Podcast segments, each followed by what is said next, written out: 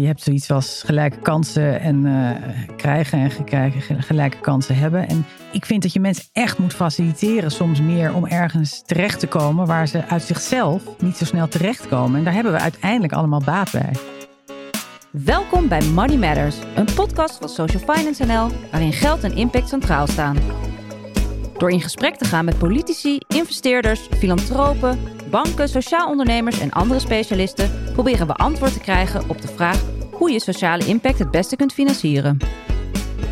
Hi en leuk dat je luistert naar Money Matters. Ik ben Ruben Koekoek, medeoprichter van Social Finance NL en naast mij vandaag als co-host Sandra Bali, social entrepreneur en als raadgever betrokken bij Social Finance, oprichter van CITES, het restaurant in het donker waar alleen maar de echte experts van het donker werken. Wat is Sea Talent, Sea Taste? Sea Talent uh, is onze social enterprise waar we MBO, 4, HBO, WO toptalenten bemiddelen naar uh, fantastische functies in het uh, bedrijfsleven en grotere organisaties zoals politie en ministeries. Dankjewel. En samen gaan we ontdekken wat het landschap van investeren is in sociale impact. In deze aflevering gaan we het hebben over diversiteit, gendergelijkheid en eerlijke kansen voor ondernemers. En natuurlijk hoe we deze ondernemers kunnen financieren. En dat doen we niet uh, alleen, Sandra. Uh, aan jou de eer om onze gast van vandaag te introduceren. Yes, dankjewel. Vandaag een prachtige gast. Een bijzondere, gedreven vrouw die alles weet van ondernemerschap en financiering. Ze begon ooit als advocaat voor de grote kantoren en in New York. Nog steeds op mijn hitlist uh, om zeker naartoe te gaan. Was medeoprichter van restaurantsite Eat en oprichter van The Next Women. Een organisatie die vrouwelijk ondernemerschap stimuleert. En sinds een paar jaar zit ze ook in de raad van commissarissen van Schiphol, Sterngroep, Rabobank, Telegraaf Mediagroep en de Erasmus Universiteit, waar ze ook start-up coach is. Daarnaast oprichter en fund director van het Borski Fund, een venture capital fund met een focus op groeikapitaal voor vrouwelijke oprichters en managers. En vorig jaar werd ze nog door opzij uitgeroepen als de meest invloedrijke vrouw van het jaar. Nou, met trots mag ik u voorstellen een prachtig mooi voorbeeld van vrouwelijk ondernemerschap. Simone Brummelhuis, welkom. Dankjewel voor deze lofuitingen. Welkom. Hoor je dat vaak? Dat je er wordt gequote met het opzij de invloedrijkste vrouw? Uh, nou, ik vind het een hele eer dat, uh, dat, ik, dat uh, ik dat ben geworden. En denk wel, ja, ik denk niet dat je dat heel vaak hoort. Want opzij is een, uh, is een blad wat helaas uh, een steeds kleinere lezersgroep heeft. Maar opzij heeft nog steeds wel een hele goede naam. En dus wat opzij doet, is op zich nog wel uh, waar de media veel interesse heeft. Ja, en we, en we, komen jou natuurlijk vaker in de media tegen. Ik las in Baas met een Z uit de interview van 2015 dat jouw toekomstbeeld voor over vijf jaar was dat je The Next Woman zou verkopen en twee commissariaten erbij zou nemen. Nou, die twee commissariaten is gelukt, de Raadbank Amsterdam en de Schiphol Maar je bent nog steeds als adviseur betrokken bij The Next Woman en je hebt een nieuw investeringsfonds uh, opgezet. Uh, heb je toch meer tijd dan je dacht vijf jaar geleden? Uh, nee, helemaal niet. en kijk, The Next Women, daar hebben we een apart team voor. Hè. Dat is een platform voor vrouwelijke ondernemers om ze te helpen met allerlei programma's met kennis en kapitaal. Uh, daar is een apart team uh, voor. En op basis van het Next Women platform hebben we eigenlijk twee fondsen gelanceerd. Uh, en dus Next Women is zelf niet verkocht. Maar we hebben, ik ben wel weer verder gegaan om, met ons plan om er, om fondsen te lanceren. Dus dat is wel waar ik fulltime mee bezig ben. dat betekent ook dat ik wel wat aan het afbouwen ben op mijn commissariaten. Dus ik ben niet een portfolio commissaris uh, aan het worden. Ja, en het uh, Borski Fonds, Sandra vertelde het al. Zij, heel, heel kort voor de luisteraars, wie is mevrouw Borski? en wij kennen het natuurlijk, of ik ken het zelf van het NOS-journaal met Maxima en de introductie daarvan, volgens mij twee jaar geleden. Maar kan je nog kort uitleggen wat Borski Fonds is en waarom je het hebt opgezet? Uh, nou, het Borski Fonds het is genoemd naar Johanna Borski. Zij was de eerste investeerder eigenlijk in Nederland, uh, 17e, 18e eeuw. Uh, investeerde um, groot, uh, was ook een van de grootste investeerders. Um, investeerde in de voorloper van de Nederlandse banken, ABN AMRO, toen eigenlijk niemand daarin in wilde investeren. wat bijzonder was, dat zij eigenlijk niet toegelaten werd tot de, de beurs waar gehandeld werd. Dus zij zat daar naast in een koetsje. Uh, hè, dus terwijl, uh, en, en, en, en er was er een mannetje die tussen het koetsje en de, de beurs heen en weer liep om te bedenken wat mevrouw Borski waar zij in wilde investeren. Dus zij had wel toegang tot kapitaal, maar nog niet toegang tot de, ja, tot de, de mensen die, die eigenlijk de investeer, ook investeerders waren. En dat vonden wij wel een mooi symbool om ons fonds, waarin wij toegang voor kapitaal willen verschaffen aan, aan jonge ondernemers. Vrouwelijke ondernemers. ja, dat is, vonden wij een goed symbool. Dat wij, ja, en hoe ik eigenlijk kom, is dat andere tijden, die is ooit bij ons langs geweest, een paar jaar geleden. toen met ons eerste fonds, dat heette de Next Women Fonds. En zij deden een eh, programma over investeren door vrouwen eh, in het heden en in het verleden. En toen ik dat programma terugzag en ik zag opeens die mevrouw Borski, toen zei ik, nou als we het nou echt groots aan gaan pakken, want dat eerste fonds was een klein fonds, dan gaan we het Borski Fonds noemen. Ja, mevrouw Borski was een roepende in de woestijn in die tijd, maar eigenlijk, en daar komen we later op, is de situatie wel veranderd, maar uh, nog zeker niet uh, gelijk als je het hebt over gendergelijkheid. Nou, en we gaan straks een aantal eh, stellingen met je eh, doornemen. Een aantal bouten stellingen, een aantal leuke stellingen. Maar voordat we dat doen, eh, gaan we eerst naar de rubriek De Uitgeleider. Geld is natuurlijk het centrale thema van deze podcast. We hebben allemaal financieel eindverantwoordelijke aan tafel. Maar ook die maken wel een uitgeleider. Daarom beginnen we altijd met de vraag: wat is de domste of meest onzinnige uitgave die je onlangs hebt gedaan? Simone. Ja, het is een leuke vraag eigenlijk. Uh, ik denk zelf dat ik wel iemand ben die altijd heel veel uh, nut aan zijn uitgaven wil doen. Dus uh, ik, moet er, ik, moet, daar wel even over nadenken. Maar wat ik eigenlijk denk is dat um, een laatste aankoop, dat wel een, wat voor mij een leuke aankoop is, maar natuurlijk is het eigenlijk onzinnig, is een kunstwerk wat ik gekocht heb. Een kunstwerk uit de jaren zeventig. Wit papier in een soort perspex doos. En ik heb in de afgelopen jaren enorm veel spullen gekocht van Perspex. Die, in de 70 jaren was dat heel erg hot. En um, ik heb dus, ik denk dat dit het, de laatste aankoop is waar de, een beetje de cirkel misschien rond is. van Perspex. Dus ik heb een kast gekocht van Perspex en nachtkastjes gekocht van Perspex en boekensteunen. Hm. Een, een, een, een, ding om kranten in te doen. Nou, je noemt het maar, maar ik heb alles van Perspex gekocht. Veel op tweedehands sites.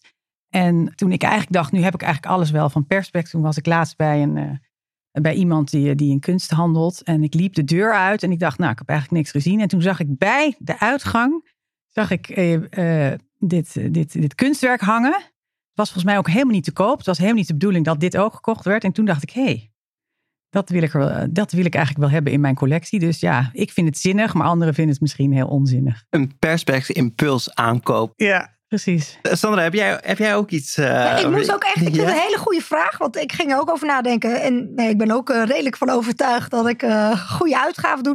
Maar ik moet toch eentje toegeven, want die is wel mee op zakelijk gebied. Maar dat is op het gebied van de sign language koffiebarren. Toen dachten we, we gaan omdenken, we gaan terug naar we moeten totaal iets anders gaan bieden.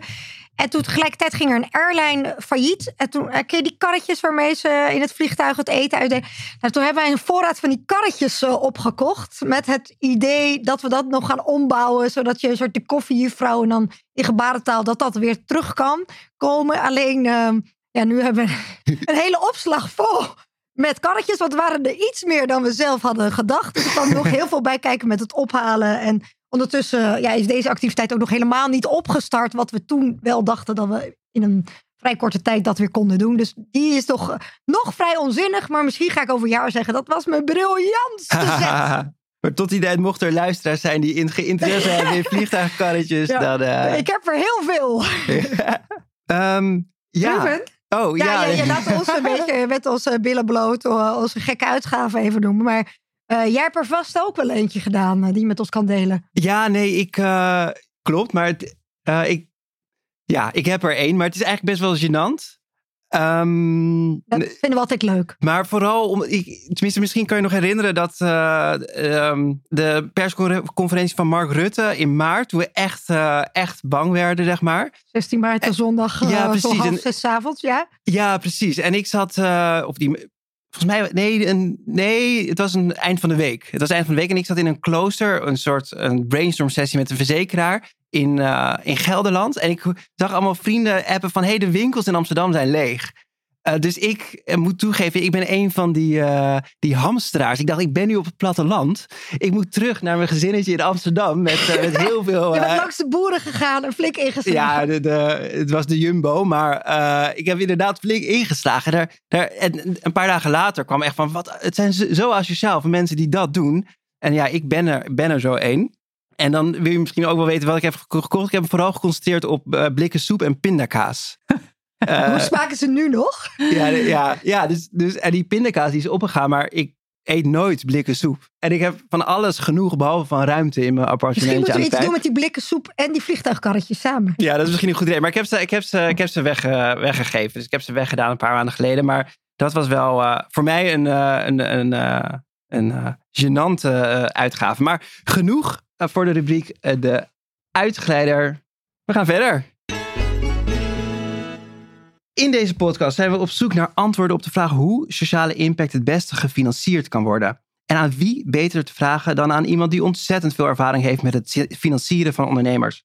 Simone, jij legt je vooral toe op het financieren van vrouwelijke ondernemers. Een belangrijk onderwerp als het gaat om sociale impact. Want genderongelijkheid en in het verlengde daarvan kansenongelijkheid is nog steeds een belangrijk maatschappelijk probleem. En dat brengt mij tot de eerste stelling. Investeren of een investering ophalen is een typische mannenzaak. Helaas is dat wel nog het geval. Um, als je op dit moment met uh, één of twee of drie uh, jongens een bedrijf begint, dan heb je een hele grote kans uh, dat je daarvoor financiering kunt ophalen. Als je een jongen en een meisje samen een bedrijf begint, dan heb je al wat minder kans. Maar één, twee of drie vrouwen samen, die hebben op dit moment is de kans relatief erg klein om dan financiering op te halen. En uh, ja, dat klopt niet. En kan je dat met, met cijfers invullen? Hoeveel, hoeveel ondernemers zijn vrouwen? Hoe, hoe... Ja, je kan het met percentages eigenlijk wel uh, uh, invullen. En er zijn, er zijn echt heel veel onderzoeken daarover. Um, grofweg zou je kunnen zeggen dat um, ehm, 98% van alle, alle investeringsgeld wat wordt opgehaald, wordt opgehaald door mannelijke teams. in ieder geval mannen die eigenaar zijn van een bedrijf. Uh, en uh, ja, de rest uh, door mixed teams of door vrouwen. Dus dat is echt wel een, echt een hele groot verschil. En, en het is niet zo dat 98% van de bedrijven alleen van mannen zijn. Dus er zit echt een discrepantie tussen wat er gevraagd wordt en wat er uiteindelijk waarin wordt geïnvesteerd. 98. Ja, dan heb je het echt, nou ja, dan heb je denk ik, ja, over de hele wereld zijn deze cijfers uh, zo, ongeveer wel uh, in die richting. En als er, uh, en, en, ja, ik denk maximaal, als het goed gaat, en, er, en, er wordt, en er wordt echt een beetje op gefocust in de afgelopen jaren bij in sommige landen, dan, dan heb je het misschien over 5 tot 10 procent. wat nu naar vrouwelijke ondernemers gaat. Maar de cijfers zijn gewoon echt niet goed. En want je hebt zelf wel succesvol INS opgericht um, en uiteindelijk verkocht. Uh, waar liep je zelf tegenaan? Nou ja, kijk, het is zo dat wij, wij waren ondernemers en we liepen er tegen de dingen aan die, onder, waar ondernemers allemaal uh, lopen. Dat je groeit snel en dan heb je te weinig geld en heb je, wil je een nieuw plan doen. en dan wil je als ondernemer wel investeren, maar je, je, onze aandeelhouders die vonden dat op dat moment bijvoorbeeld dan niet een goed plan. dus de, de, de, inzichten die je soms als ondernemer hebt, die, die, die je aandeelhouders niet hebben. Uh, ja, je loopt tegenaan dat je het ook soms als uh, oprichters uh, zelf niet met elkaar eens bent. Dus vrouwen en mannen lopen eigenlijk als ondernemer tegen heel veel dezelfde dingen aan. Maar vrouwen lopen wel tegen een extra probleem aan en dat is het financieren van hun plannen. En dat maakt gewoon dat vrouwen over het algemeen dus minder groeien. Maar als ze geld ophalen, dan doen ze het eigenlijk weer beter. Dus daar zit wel een grote. Sandra, Jij bent eigenlijk onderdeel van een mixed team. Klopt, ja. Ik ben uh, ooit uh, CT samen mijn, mijn partner uh, gestart. En het grappige is dat ik in het begin herken ik dit heel erg. Want als we met z'n tweeën ergens naartoe gingen op een podium of geld op te halen of een showtje te geven om je bedrijf te pitchen. Ehm, dan werd er vaak gedacht dat het inderdaad het bedrijf van mijn man was. En dat ik een heel schattig element daarin mocht notuleren of een andere ehm, ondergeschikte taak in had. Ehm, nou ben ik gelukkig dus ook getrouwd met een man die heel goed weet waar zijn krachten liggen en waar mijn krachten liggen. En bij mij ligt het juist op dit vlak. Dus eigenlijk op het moment dat de vragen hierover kwamen, zei ik, nou, daar weet ik niks vanaf hoor, dan moet je bij haar wezen.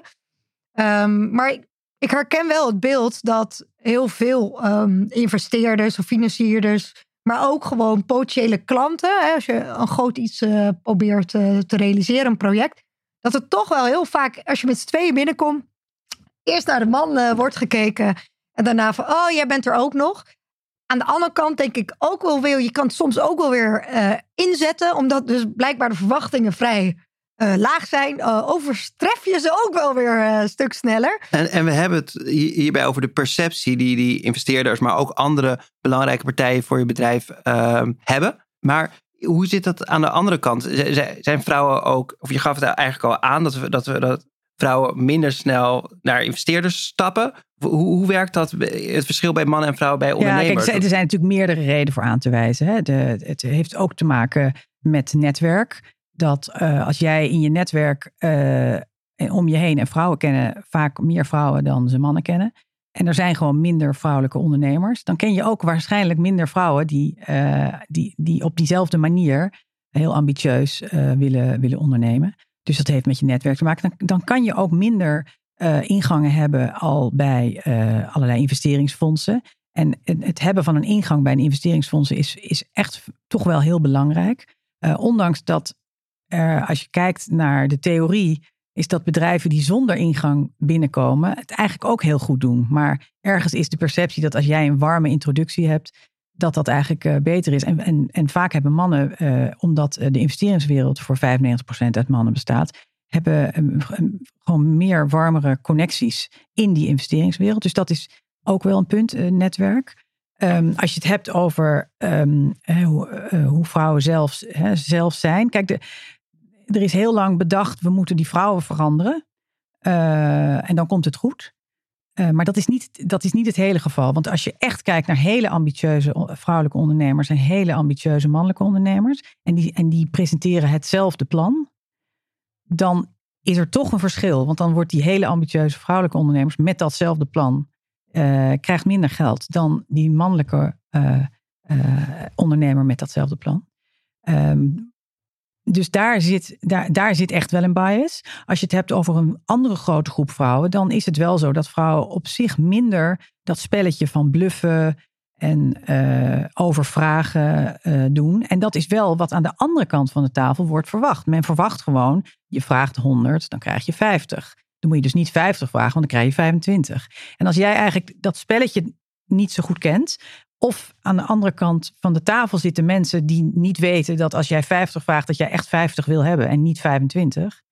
Hè, dan, dan, dan, dan, spre- dan, ja, dan heb je echt mannen komen van Mars en vrouwen van Venus. Of hoe was het, hoe was het bekende boek ook alweer? Hè, dus er zijn veel oorzaken aan te wijzen. Het gevolg is alleen is dat je gewoon veel minder goede innovatie krijgt als je vrouwen niet, uh, investeert, niet in investeert. En dat is ook een van de grote redenen waarom je er iets aan moet doen. Niet om, om, om alleen maar een sociale gelijkheid, maar omdat het ook echt wel innovatie in de weg zit. En hoe doorbreek je dat met het Borski Fonds? Dus uh, heb je dan ook andere gesprekken of, of, of selecteer je anders? Wat, wat, doe je anders dan de andere fondsen? Nou, een van de dingen waar wij, wij, wij willen gewoon een divers team. Dus wij willen een vrouw hebben die ook echt ondernemer is dat maakt al een verschil. Want dat betekent gewoon dat je sowieso al selecteert naar um, ondernemingen waar een vrouw de ondernemer is. dus wij hebben niet zo snel de keus tussen een onderneming uh, van uh, drie jongens die het al drie keer eerder hebben gedaan en een vrouw die net begint.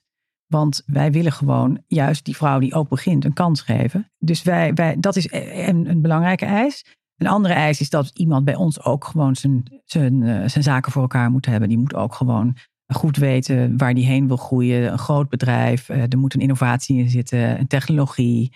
Um, er moet een, uh, wij vinden het belangrijk dat er een duurzaamheidscomponent in zit in wat je doet. Um, en uh, en in, in, in zoverre zijn wij een investeringsfonds met een extra eis, namelijk diversiteit. En daar proberen wij mee uiteindelijk zo'n twintig investeringen te doen.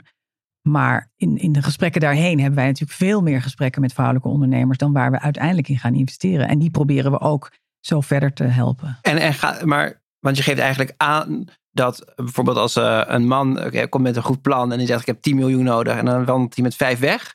En een vrouw komt met een goed plan en die geeft gewoon aan ik heb 5 miljoen euro nodig. Maar gaan die gesprekken dan ook echt anders bij het komen? Zijn de gesprekken meer open of minder bluff? Of, of, of moet ik dat niet zo ja, zien? Ja, ik denk, kijk, doordat wat je ziet is dat als er, als er meer vrouwelijke investeerders komen, dan krijg je, wordt er ook meer geïnvesteerd in vrouwen. Ja. En dat heeft gewoon te maken omdat vrouwelijke investeerders aan die kant van de tafel ook weer herkennen uh, uh, wat ze, uh, vrouwen aan de andere kant van de tafel. Dat is eigenlijk precies hetzelfde natuurlijk wat er gebeurt. mannen aan de ene kant van de tafel en mannen aan de andere kant van de tafel. Maar dat is voor het investeringslandschap dus wel heel belangrijk. Dat, je, dat er ook veel meer investeerders komen. En dat is eigenlijk ook een van onze eisen. Omdat wij weten dat als jij vrouwen um, in investeert en die verkopen ook hun bedrijf. Dan zullen ze, dat ook weer de vrouwen zijn die weer jongere ondernemingen gaan helpen. Dus ik denk dat wij een vrij transparante, grondige um, discussies hebben met ondernemers. En dat we ook wel eens bij tijd en wijle zeggen: je mag wel een tandje ambitieuzer. Helder.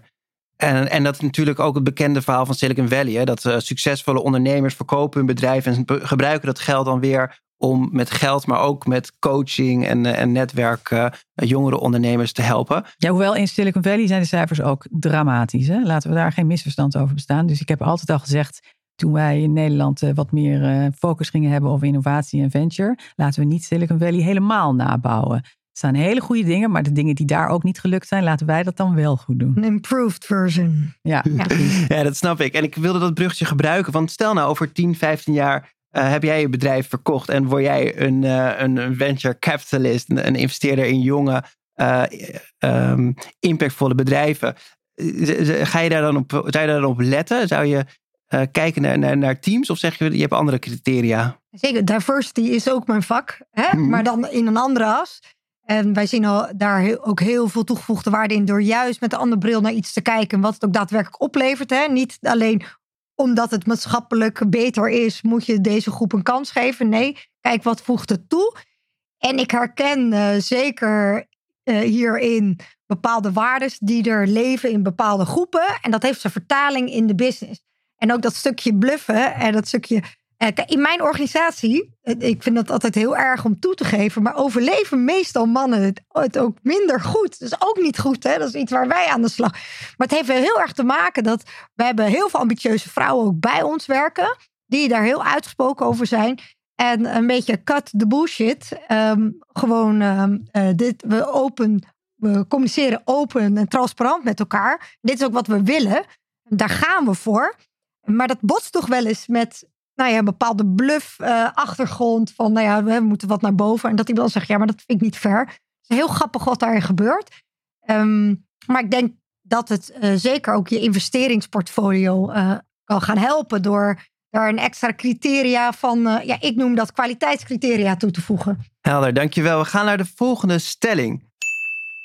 Investeren in vrouwelijk ondernemerschap draagt bij aan de realisatie van meer sociale impact. Ja, dat is mooi gezegd. Dat klopt wel, ja. Ja? Ja, ik zat even te kijken. Kijk, we hebben het altijd heel erg uh, over dat we heel veel uh, eraan moeten doen. Dat mensen geen afstand hebben tot de arbeidsmarkt. Maar eigenlijk uh, in de, deze tijd waar zo ontzettend veel wordt ondernomen. En waar ondernemerschap een van de, de redenen is waardoor banen worden gecreëerd gaat het eigenlijk veel meer over afstand tot de kapitaalsmarkt. Um, en als je de afstand tot de arbeidsmarkt uh, verkleint, dan weten we dat is, uh, dat heeft een sociaal effect. Maar als je de afstand tot de kapitaalsmarkt uh, gelijkwaardiger maakt, dan heeft dat ook een heel erg sociaal effect. Alleen dat, dat van oudsher is dat gewoon niet iets wat heel erg op in het vizier staat van, van ook van de overheid. Um, niet lang geleden zat ik met Mariette Hamer van de SER uh, in een panel. En um, we, er werd toen een, een, stuk gemaakt voor uh, nieuwe beleid op het gebied van gelijkheid van vrouwen. En daar werd ontzettend veel punten werden, kwamen daar aan de orde. Maar eigenlijk niet die afstand tot de kapitaalsmarkt. Omdat dat ook echt iets is wat qua beleid iets nieuws is. Het is maar heel recent dat in Canada bijvoorbeeld de overheid in haar uh, beleid om uh, investeren, investeringsgelden aan uh, fondsen toe te kennen, gezegd heeft dat daar een zogeheten gender lens policy moet zijn. Dus het hele concept gender lens policy dat kennen we eigenlijk wel vanuit de, de, de derde wereld. Of hoe noem je dat? De ontwikkelde wereld. Nou ik weet, ik weet nooit precies meer hoe je dat tegenwoordig nou moet noemen. Maar anyway, Afrika en alle andere landen. Maar um, die gender lens policy is eigenlijk ook iets wat in de westerse wereld uh, moet geïmplementeerd worden.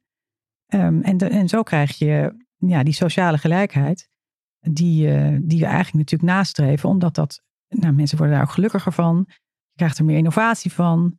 Uh, je krijgt daar, daardoor ook vermogensgelijkheid. En we weten allemaal dat voor vermogensongelijkheid ja, ook tot gevolg heeft dat samenlevingen niet goed functioneren. Dus ik denk zelf dat die stelling, die stelling weer klopt. Dus je geeft eigenlijk aan, in plaats van afstand tot de arbeidsmarkt, afstand tot de kapitaalmarkt van ondernemers of organisaties die op zoek zijn naar uh, nou, kapitaal. vooral vrouwen, die hebben echt een afstand tot de kapitaalmarkt. Want uh, zij krijgen dus veel minder kapitaal dan ze eigenlijk zouden moeten hebben om die ondernemingen tot bloei te brengen.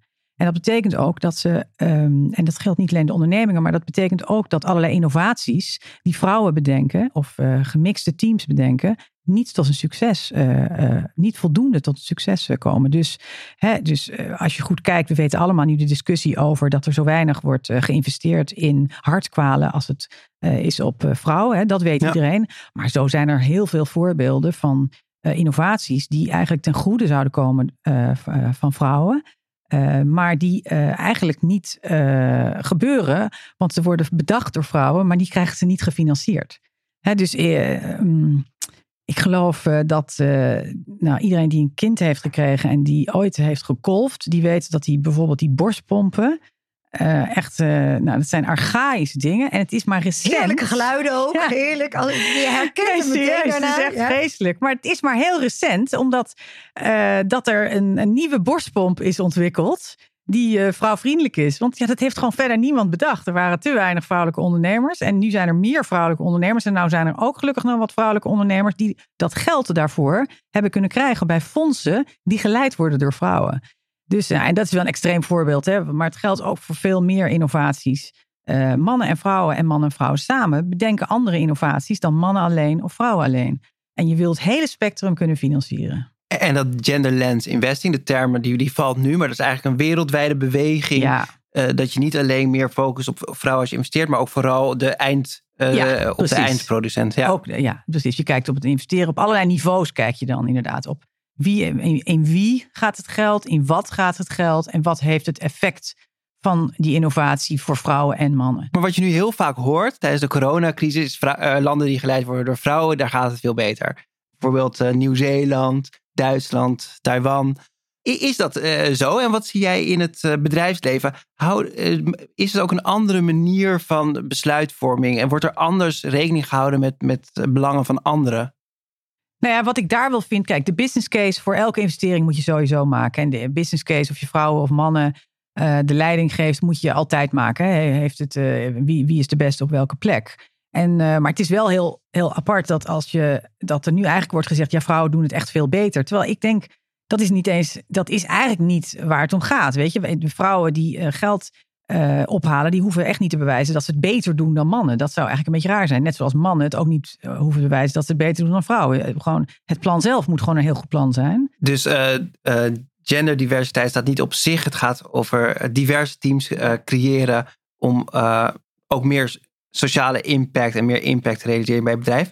Sandra, jij bent natuurlijk werkzaam in een sector die zich helemaal focust op het realiseren van impact. Zie je daar dan ook verschillen uh, in? Is, is, dat, is daar van nature al meer diversiteit bij sociale ondernemers dan dat je ziet buiten de impact-economie, als ik het zo mag noemen?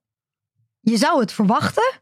Maar als ik heel eerlijk uh, moet zijn, als ik kijk naar de succesvolle maatschappelijke ondernemingen. En succesvol betekent in mijn ogen dat je, je eigen broek omhoog weet te houden. Hè, je goed weet te financieren. Product, markt, dienstverlening. Nou, dat, dat hele plaatje klopt, dat het ook echt een bedrijf is, dan zijn dat, denk ik, uh, nog steeds ook in deze sector meer mannen dan vrouwen. Um, ik denk dat je wel heel veel um, initiatieven hebt. En dat, dat dan het percentage misschien, uh, misschien uh, verandert. Maar echt als bedrijf zijn, is, is de succesvolle, als ik even in mijn hoofdje het lijstje afgaat, overgrote deel man. Ja. Dus we nog een weg te gaan. Ik denk in, in, in, gewoon in, in Nederland, maar ook in de wereld, door juist met z'n allen te leren te kijken naar wat mensen in het algemeen, met welke achtergrond of kenmerk dan ook, wat komt iemand nou aan tafel brengen? Welke onderscheidende waarden? En dat je helemaal niet kwaliteitseisen loslaat, maar dat je open staat voor misschien een andere interpretatie van feiten of uh, mogelijkheden. Dus, um, want eigenlijk zijn we hier op zoek naar de, naar de zoektocht uh, naar hoe we sociale impact kunnen financieren. En ik moet zeggen, met de redactievergadering hadden we hier misschien wel een uur lang een, uh, een discussie over. Want je hebt dus aan de ene kant um, realiseer je um, de SDG 5, ja. gendergelijkheid, door open te staan voor, voor, voor diverse aantal ondernemers. Um, maar we hebben heel lang gediscussieerd over. En zorg je daardoor ook dat je al die andere SDG's beter, beter tot zijn recht laat komen. Dat je dus ook impact maakt op andere SDG's. En eigenlijk, als ik jullie zo hoor, doe je dat niet. Omdat, nou, was je nu wel zo. Nou, nee, dat is niet waar. Want ja? je ziet dus wel dat vrouwen over het algemeen, de bedrijven die ze bouwen, ook erg voldoen aan veel meer SDG's. Dus de duurzaamheidscomponent bij sowieso al veel ondernemers die nu beginnen met een bedrijf bouwen zit er al veel al in. En niemand begint echt uh, alleen maar een beetje dozen te schuiven, maar dat moeten wel duurzame dozen zijn. En wij zien dat dus wel veel. Dus de, van de, we hebben het afgelopen jaar, hè, we zijn een jaar geleden gelanceerd, um, hebben we iets van 300 uh, bedrijven gezien. En het overgrote deel heeft een duurzaamheidscomponent. En dat zijn allemaal bedrijven waar vrouwen een van de ondernemers zijn. Nou, allereerst moet je dus, als ik je goed beluister, gebruik maken van alle talenten die er zijn. En Precies. dat gebeurt volgens mij veel uh, te weinig. Ten tweede uh, geef je aan, je moet investeren in diverse teams. Want diverse teams die uh, komen op betere resultaten. En het derde wat je nu aangeeft is dat, als ik het goed hoor, dat vrouwen ook vaak meer een intrinsieke motivatie hebben om rekening te houden met duurzame factoren of met andere stakeholders dan alleen aandeelhouderswaarde. Ja, en je krijgt dus hele andere innovaties. Ja, dus dat is eigenlijk nog een vierde. En, uh, maar eh, wat wel zo is, dat je moet, uiteindelijk moet het team divers zijn. Maar er zijn gewoon heel veel één, twee of drie vrouwen die met elkaar iets bedenken. En die echt wel weten dat als ze nog groter worden, dat het team divers moet worden. Eh, moet worden. Maar die moeten ook gefinancierd worden. Dus die één, twee of drie vrouwen. Want vaak is het zo dat in het begin, als jij een bedrijf begint, dan heb je een prachtig idee en dan kijk je een beetje half om je heen van nou ja, wie wil mij die eerste twee, 1, 2, 3 jaar uh, met mij aan de slag. En dan kijk je in je eigen omgeving. Vrouwen zien dan veel meer andere vrouwen. Dus dat is vrij logisch dat die vaak beginnen met een, met een, met een andere. Het, is, het, bedoel, het mooiste is natuurlijk je van het begin af aan uh, precies kijkt wie past in het profiel met wie ik dit wil doen. Maar zo gaat het heel vaak niet met uh, ondernemen. En ook die vrouwen die met één, twee of drie vrouwen, die moeten gefinancierd worden. Want die, gaan hun, hun, die weten echt wel dat ze uiteindelijk hun uh, bedrijf uh, divers moeten maken. En die vrouwen worden nu op dit moment veel te weinig gefinancierd. We gaan naar de volgende stelling. En die is kort maar krachtig. Vrouwenquota's werken. Ja, dat is waar. En het is laatst weer aangetoond uh, in de universiteit in Eindhoven. Want daar hebben ze heel kort, totdat ze op de vingers werden getikt door het, de Organisatie voor de Rechten van de Mens, hebben ze een, uh, heel kort gezegd: wij willen alleen maar vrouwelijke hoogleraren aannemen. Of, uh, en dat is gelukt.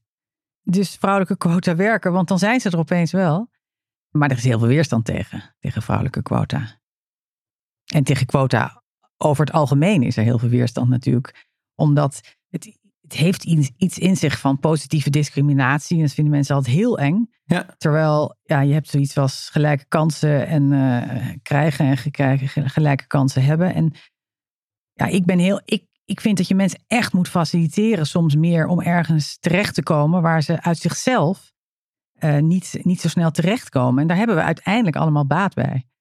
Um, dus daarom uh, ben ik heel erg voor om, uh, om, om, om dingen te faciliteren, om mensen gewoon dat zetje te geven. Want hoe je het went of keert, iedereen krijgt ergens een zetje. Of dat nou is om, op de plek waar hij geboren is, of door zijn ouders, of door, door wat dan ook.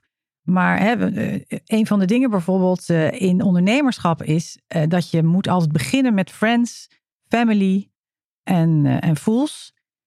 Maar er zijn heel veel mensen die hebben geen friends met geld en geen family met geld. Laat staan fools. Dus dat is al een hartstikke moeilijk begin. Uh, dus ik vind, uh, ik, ik hou erg van quota, omdat je daardoor echt iets kunt veranderen, wat soms gewoon vanzelf niet gaat. Ik denk dat ook soms wat er een beetje aan, aan vasthangt is, ik wil niet gekozen worden omdat ik een bepaald kenmerk heb. Hè? Dus dat is een soort negatief invloed. Ik denk dat je zelf ook heel ondernemend naar kan kijken. Is uh, ik pak elke kans om te kunnen groeien of het beter uh, te maken voor het geheel. En als dit de kans is, dan moet je even over je eigen trots heen uh, stappen. Maar uiteindelijk heb je wel meer kansen om daadwerkelijk het resultaat te behalen. Al blijft er natuurlijk een beetje nasmaak in. Maar ik denk dat uiteindelijk daadwerkelijk ook helpt. Nou ja, vaak de, dingen die, de meeste dingen die je doet, is niet alleen een kwalitatief iets, maar ook een kwantitatief iets. als je kunst kijkt, dan moet je in het begin heel erg veel uh, schilderijen zien om te weten wat kunst is en wat kitsch is. En uh, met ondernemen is dat ook. Weet je, dan moet je, heel, je moet ook heel veel mensen de kans geven om er een goede tussen te hebben. Uh, en dus als je dat alleen maar op kwaliteit doet, dan is het heel logisch dat degene die dat al eerder gedaan heeft, of degene die welke kans dan ook heeft, dat die gewoon sneller gaat. En dus moet je soms mensen proberen een inhaalslag te laten maken. En dat geldt niet alleen voor vrouwen, maar dat geldt voor veel meer doelgroepen. Die, die gewoon nog een zetje moeten hebben. En dan komen ze weer bijeen. En dan komen ze weer bij. En zo werkt dat gewoon. Dus ja, ik, ik, ik vind dat mensen daar niet. Het eh, zijn vaak de mensen die, die eigenlijk nergens last van hebben, die, die er meest tegen zijn. Um, en ik, ik, ik, ik, weet zeker dat ik best wel eens eh, uitgenodigd ben omdat ik, omdat ik vrouw ben. Hè? En, dan, en dat is, dan neem je zelf dat risico door daarna gigantisch door de man te vallen als het niet lukt. Hè? Dus ik vind mensen die een kans krijgen, die moeten hem ook grijpen. Maar ja, soms krijgen die mensen die kans niet. En degene die er last van hebben, die, uh, bedoel je uh, mannen. Of mannen nou, die ja, door de man zijn. Of die iedereen die, die, die denkt dat hij ergens vanzelf komt. Ja. Terwijl die dan niet ziet dat er ja. ergens ook een duwtje daar in de rug eh, zit. En dan gaat nooit verandering gerealiseerd worden zonder een doel te stellen. Dus elke verandering vindt men lastig. Maar als je er ook dan geen visie op hebt en geen doel erbij stelt, hè, iets wat je, waar je naartoe kan groeien, dan gaat dat ook niet gebeuren. En een quota is daarin een middel om een doel of een target erop vast te stellen. De, de minister van OCNW heeft gedreigd volgens mij met een quotum uh, als uh, de raden van besturen en uh, raad van commissarissen van, van beursgenoteerde bedrijven niet, niet diverser worden. Maar, maar, kan je dat ook doen in de investeringswereld? Is daar een, kan je daar überhaupt een quotum op leggen, een quota op leggen, of is dat onmogelijk? Nou, ik denk wel dat dat kan. kijk, een van de grootste geldsverschaffers in Europa is de overheid. Zowel via de Europese investeringsbank als uh, de, de, lokale overheid, eh, de nationale overheid, de regionale overheid. En die doen dat allemaal om banen te creëren. Dat is hè, de, de achterliggende driver vaak voor dat overheidsgeld besteden. En je wil eigenlijk dat die banen ook weer gelijk gecreëerd worden. dus alleen al daarom kan je dat doen. En um, uiteindelijk uh, kijk, er zal misschien een moment zijn um, dat, dat je zegt van nou, maar als ik in die investeer, die heeft al vijf keer gedaan, dus dan is mijn rendement veel hoger. Maar, maar dat is een hele korte termijn gedachte. Een langetermijn gedachte is dat je eh, dat die quota ook weer zin hebben en dat die uiteindelijk ook niet alleen uh, financieel rendement, maar ook uh, sociaal rendement geven. Um, en da, ja, dus ja, dus alles wijst er eigenlijk op dat, dat, dat iedereen dat, dat dat moet. Want anders ben je gewoon veel te, veel, veel te kortzichtig bezig. Dus de overheid kan er invloed op uh, uitoefenen. Ja. Niet, niet, door wetgeving, maar door de, uh, doordat zij een belangrijk onderdeel vormen om die fondsen, die investeringsfondsen, aan de achterkant te financieren. En daar kunnen ze eisen stellen. Precies, ja. ja. Indirect heeft namelijk die quota ook zin. Omdat stel dat jij, dat jij, jij als fonds een bepaald uh, percentage moet investeren in uh, vrouwen of uh, jongens uit de Nieuw-West, ik noem maar iets. Dan ga jij echt wel zorgen dat die mensen vanaf het begin af aan, terwijl ze op school zitten, ook wiskunde natuurkunde gaan doen. En dan ga je zorgen, weet je, de keten is veel langer dan alleen maar dat investeringsfonds. En dat is, het, dat is het misschien het end. Maar de hele, uh, de hele keten gaat, gaat dan uh, beter worden. Als je weet dat in die end ook je geld uh, daar gespendeerd gaat worden. Hè, dus het heeft wel degelijk zin voor, voor, voor een betere samenleving. Om dat ook in het investeringspalet te, te, te integreren, eerlijk gezegd. Simone, je had het over vrouwelijke ondernemers die vaak nu op een zolderkamer met z'n tweeën, met z'n drieën een idee hebben, maar eigenlijk niet de investeerders vinden of nog niet naar investeerders toe durven gaan. hopelijk luisteren ze en, en horen ze ons of jouw verhaal.